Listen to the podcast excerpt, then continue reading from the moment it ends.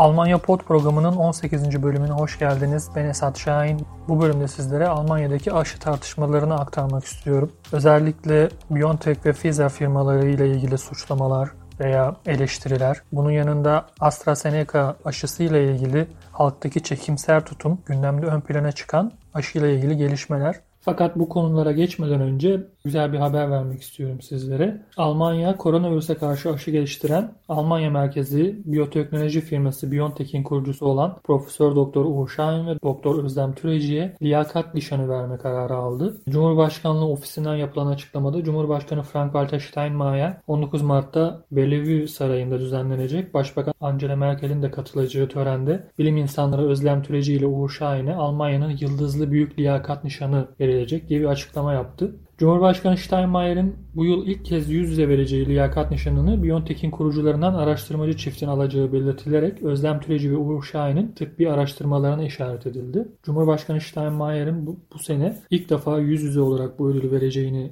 söyleyelim. Aynı zamanda açıklamada da Özlem Türeci ve Uğur Şahin'in tıbbi araştırmalarına değinilerek bir hayli övüldüğünü gördük. Yine açıklamada Türeci ve Şahin'in COVID-19 salgınının önüne geçmesine katkı sağladıkları aktarıldı ve şu ifadelerde bulunuldu. Onların mRNA teknolojileri alanında dünya çapında kabul edilen yetkinlikleri ve durdurak bilmez çabaları sayesinde çok kısa sürede Covid-19'a karşı bir aşı geliştirmeyi ve onaylanmasını başardılar denildi. Oldukça güzel bir gelişme tabii ki. Özlem Türeci ve Uğur Şahin'e yıldızlı büyük liyakat nişanı verilecek olması başta Almanya'daki göçmen kökenli insanlar olmak üzere herkesi mutlu ettiğini söyleyebiliriz. Gelelim BioNTech ve Amerikan Pfizer firmalarının firmalarına dair yapılan eleştirilere. İlk olarak BioNTech'in adının ön plana çıktığı ve Profesör Doktor Uğur cevap vermek zorunda kaldığı eleştiriyle başlayalım. Aşıların Avrupa Birliği'ne fahiş fiyatlarla satılmak istendiğine dair iddialar. Konuda Uğur Şahin bir açıklama yaptı Bild gazetesine. Yaptığı açıklamada sanayi ülkeleri için geçen Temmuz ayında sipariş miktarına göre bir fiyat modeli hazırlandığını söyledi Uğur Şahin. Sipariş miktarına göre fiyatlar 15 euro ile 30 euro arasında değişiyordu dedi. 22 Temmuz'da ABD ile yeni parametreler doğrultusunda bir anlaşma yapıldığını ve aşı için 19 50 dolarlık bir fiyat belirlendiğini ifade etti. Bu fiyat modelinin de tüm sanayi ülkelerine teklif edildiğini söyledi Uğur.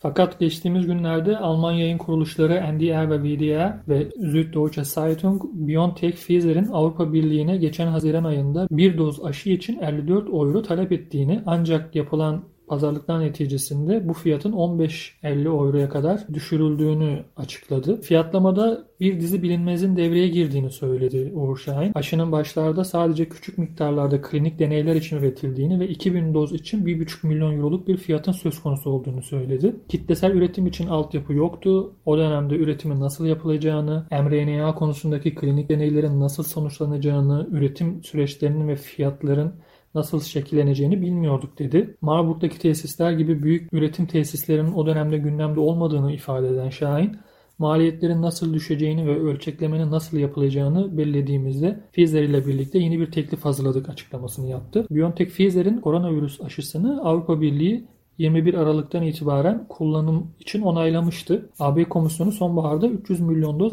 aşı sipariş etmişti. Şubat ayında da yine bir 300 milyonluk e, aşı sipariş edilmişti. Yani özellikle fiyat noktasında BioNTech ve Pfizer'a böyle bir eleştiri var ve onlar da bu şekilde cevap vermiş oldular. Tabii Pfizer firması ile ilgili eleştiriler ve hatta ağır suçlamalar sadece işin BioNTech'in de yer aldığı fiyatlama konusunda değil, şirketin geçmişiyle ilgili ve aşıyı şu anda pazarlama politikası ile ilgili oldukça ağır suçlamalar var. Bunlar neler? Şimdi onlara bir bakalım. İlk olarak aşı konusunu dünyada konuşulmaya başladığı süreçte hatırlayacağınız üzere Amerika Birleşik Devletleri'nde hükümet öncülüğünde başlatılan kamu özel ortaklık girişimi neticesinde Warp Speed operasyonu adında bir çalışma başlatılmıştı. Pfizer firması ilginç bir şekilde Amerika Birleşik Devletleri'ndeki bu çalışmaya katılmadı ve bunun yerine Alman şirketi BioNTech'e 2 milyar dolar yatırmayı tercih etti. Tabii bu süreçte pek kolay ilerlemedi. Başta Avrupa Birliği'nden olmak üzere Pfizer'e yönelik çok sayıda eleştiri yapıldı. Hala da yapılıyor. Özellikle en ağır eleştirildiği nokta aşıyla ilgili süreçte doğabilecek zararlarda bir sorumluluk kabul etmemesi oluyor. Yine aşıyı muhafaza etmek için eksi 70 derecelik dolapların çok pahalı olması ve tedariğinin de zor olması yapılan en önemli eleştirilerden. Tabii aşının doz fiyatlarının pahalı olması haricinde. Genel olarak Avrupa Birliği'nde ama özellikle Alman basınında veya toplumda aşılanma konusu neredeyse bir fiyasko olarak değerlendiriliyor. Çünkü İsrail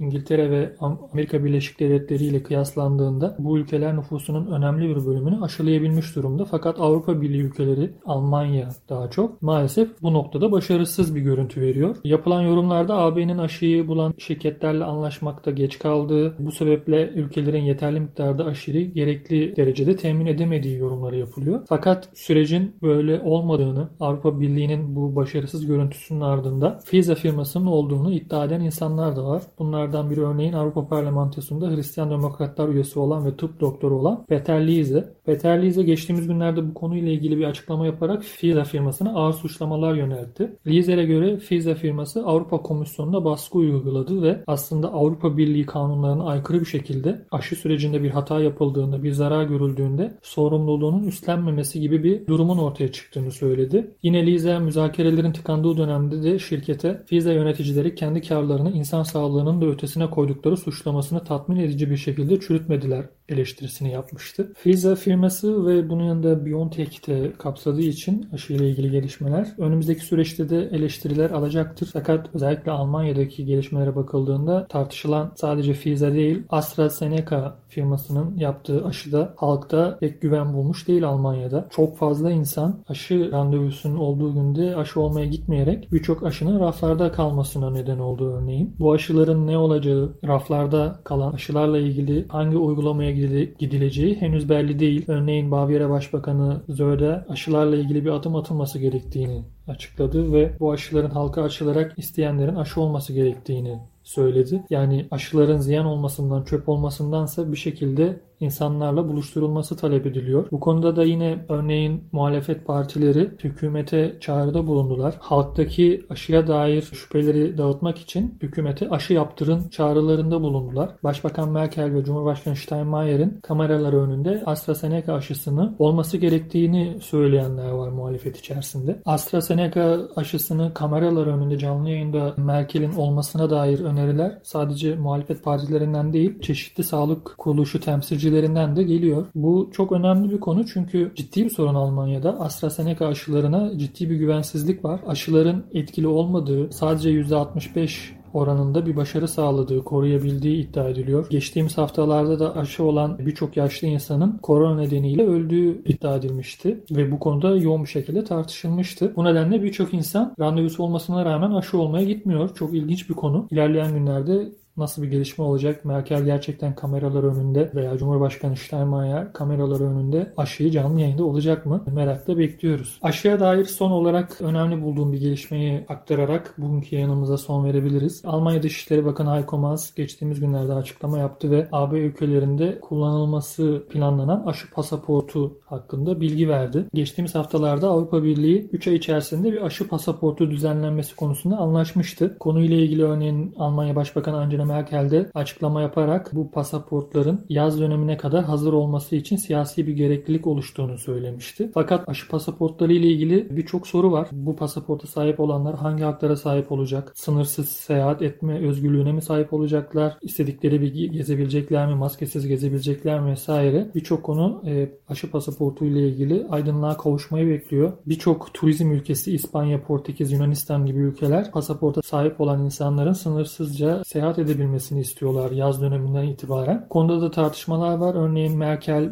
böyle bir öneriye sıcak bakmıyor eşitlik ilkesi açısından. Çünkü bakıldığında zaten Almanya'da aşılama oranının çok düşük olduğu tartışılıyor. Bir grup aşı olmuş azınlık insanın özgürce seyahat edebilmesi, diğerlerinin ise şehirlerinde mahsur kalması gibi bir görüntünün sıkıntılı olacağı görüşü de Merkel ve Merkel gibi düşünen insanlarda hakim. Heiko Maas'tan bahsetmiştik. Heiko Maas da konuyla ilgili yaptığı açıklamada Avrupa aşı pasaportu üzerinde son sıra çalışmalıyız. Tercihen akıllı telefonlarda kullanılabilecek dijital platformlar için düzenlenmiş bir belge olmalı dedi. Pandemi süresince öngörülebilir problemlere çözüm hazırlamadığımız için çok zaman kaybettik. Elbette öncesinde aşılanan insanların daha az bulaştırıcı olup olmadığını bilmeli ve nüfusun büyük bir bölümünü olabildiğince hızlı bir şekilde aşılamalıyız. Buna paralel olarak da aşı pasaportunun zamanında hazır olmasını sağlamalıyız diye bir açıklamada bulundu Aykomaz. Görüldüğü üzere aşı konusu ve aşıyı temin eden firmalarla ilgili gelişmeler Almanya'da önümüzdeki günlerde belki haftalarda da gündem olmaya devam edecektir. 18. bölümü aşılama gündemiyle tamamlamış olalım. Haftaya 19. bölümde görüşmek dileğiyle. Hoşçakalın.